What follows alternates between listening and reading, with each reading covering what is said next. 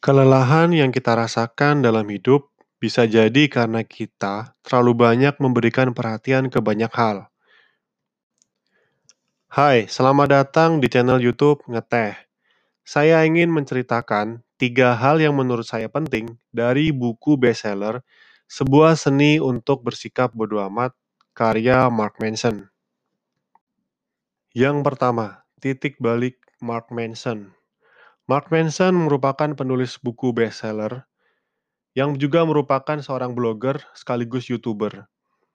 Ternyata memiliki kejadian berat dalam hidupnya, dan ini merupakan salah satu alasan dia membuat buku ini. Pada saat Mark berusia 19 tahun, Mark menghadiri sebuah acara pesta bersama sahabatnya Josh. Namun naas, dalam acara tersebut dia kehilangan sahabatnya yang meninggal tenggelam di sebuah danau.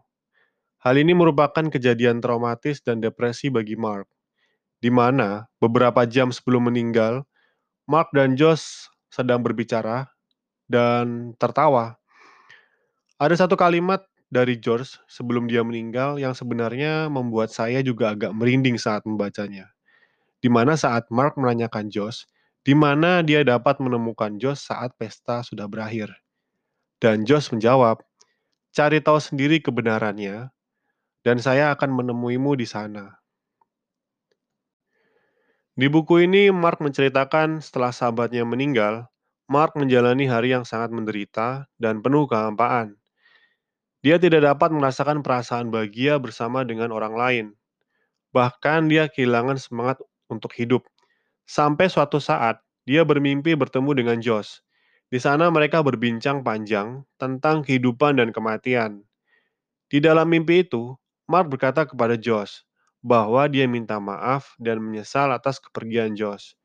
Namun Josh justru malah tertawa dan mengatakan kepada Mark, kenapa Mark begitu tersiksa dengan kematiannya, sementara Mark sendiri takut akan hidup.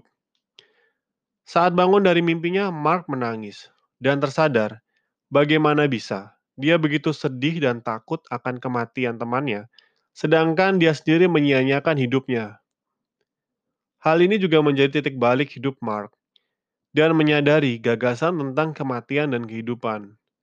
Bagi Mark, alasan dia menolak setiap tantangan dalam hidupnya dan takut akan berbagai hal di dunia ini merupakan cara pertahanannya dia untuk melupakan tentang kematian. Padahal, sebenarnya kita bisa aja mati kapan pun. Pentingnya berkata tidak. Mungkin banyak dari kita sering mendengar kalimat membuka diri terhadap semua peluang yang ada, dengan menerima dan berkata ya pada setiap hal. Hal ini tidak salah, namun bagi Mark, perlu bagi kita juga dapat menolak sesuatu. Hal ini diungkapkan dalam kisah Mark saat dia berusia 20 tahun, yang selama lima tahun dia menyia-nyiakan uang, waktu, dan energinya untuk hidup bebas mengunjungi 55 negara. Bebas bertemu dengan siapa pun, menjalin dan meninggalkan hubungan dengan beberapa kekasih, dan pindah dari satu negara ke negara lain demi menikmati hidupnya. Namun perjalanan ini tidak ada hentinya dan tidak berujung. Mark tidak menemukan makna yang dia cari dalam hidupnya sampai akhirnya. Dia sekarang tinggal bersama istrinya dan memilih untuk membatasi kebebasannya dengan memiliki satu keyakinan, satu tempat tinggal, dan satu pasangan hidup. Di saat inilah Mark menemukan makna sebenarnya dari hidupnya dan lebih menikmati hidupnya. Menurut Mark, untuk sungguh-sungguh mengapresiasi sesuatu, Anda harus mulai membatasi diri Anda sendiri. Ada satu tingkat kepuasan dan kegembiraan ketika kita menghabiskan puluhan tahun membina suatu hubungan tunggal, satu karya tunggal, atau satu karir tunggal. Dan investasi itu tidak bisa dicapai tahunan tanpa menolak alternatif yang ada. Sama halnya saat Mark memilih pernikahan menjadi hal penting dalam hidupnya. Maka, Mark memilih untuk tidak memberikan dirinya kepada orang lain dan menjaga tubuhnya agar tetap sehat untuk dapat menjaga keluarganya. Sama halnya jika Anda memilih untuk membuka diri demi pertemanan terhadap orang tertentu. Maka Anda memilih untuk terbuka dan menerima teman Anda apa adanya, dan menolak untuk mengkhianati dia dengan mengata-ngatai dia di belakangnya. Yang ketiga, makna bersikap bodoh amat. Dalam buku ini, Mark merangkum tiga makna dari bersikap bodoh amat. Yang pertama, bodoh amat bukan tidak peduli sama sekali dengan hal-hal tidak penting, tetapi menikmati saat berbeda. Maksudnya, kita menikmati pilihan kita yang berbeda dengan sebagian kecil atau sebagian besar orang lain. Karena pilihan yang kita ambil dalam hidup kita adalah pilihan yang berdampak bagi nilai hidup kita.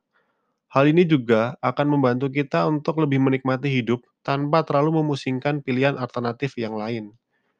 Yang kedua, Anda perlu memiliki hal yang lebih penting dari kesulitan yang Anda hadapi. Ketika Anda tidak memiliki hal yang penting dalam hidup Anda, maka Anda akan memperdulikan segala hal dalam hidup Anda. Dalam suatu penelitian mengatakan bahwa orang-orang yang merasa sudah tidak memiliki persoalan dalam hidup Justru mereka sangat memusingkan banyak hal dalam hidupnya. Yang ketiga, setiap hari kita mengambil keputusan untuk peduli pada satu hal atau tidak. Ketika Anda memilih untuk peduli dengan segala hal, maka Anda menjadikan segala hal menjadi hal serius bagi Anda, dan Anda akan menerima beban atau tekanan dari setiap masalah yang datang pada Anda. Saat kita kecil, sangat senang memperhatikan dan memperdulikan banyak hal. Karena itu, setiap anak dapat bertumbuh dan memiliki karakter dengan masing-masing melalui hal-hal yang mereka pedulikan ketika mereka masih kecil. Namun, ketika beranjak dewasa dan memiliki tujuan dalam hidup atau nilai dalam hidup, kita mulai memfilter atau mengabaikan hal-hal yang tidak berdampak atau tidak menarik bagi hidup kita, terutama yang berhubungan atau tidak berhubungan dengan tujuan atau nilai hidup kita. Selama Anda hidup, masalah akan selalu hadir. Nilai hidup Anda yang menentukan mana masalah yang akan dinikmati. Jika kamu suka dengan video ini, kamu bisa memberikan like dan komen di bawah mau video tentang hal inspiratif apa yang akan saya bahas. Share juga agar orang-orang terdekatmu juga bisa bersama-sama bertumbuh positif. Saya Willy dari Ngeteh, sampai jumpa.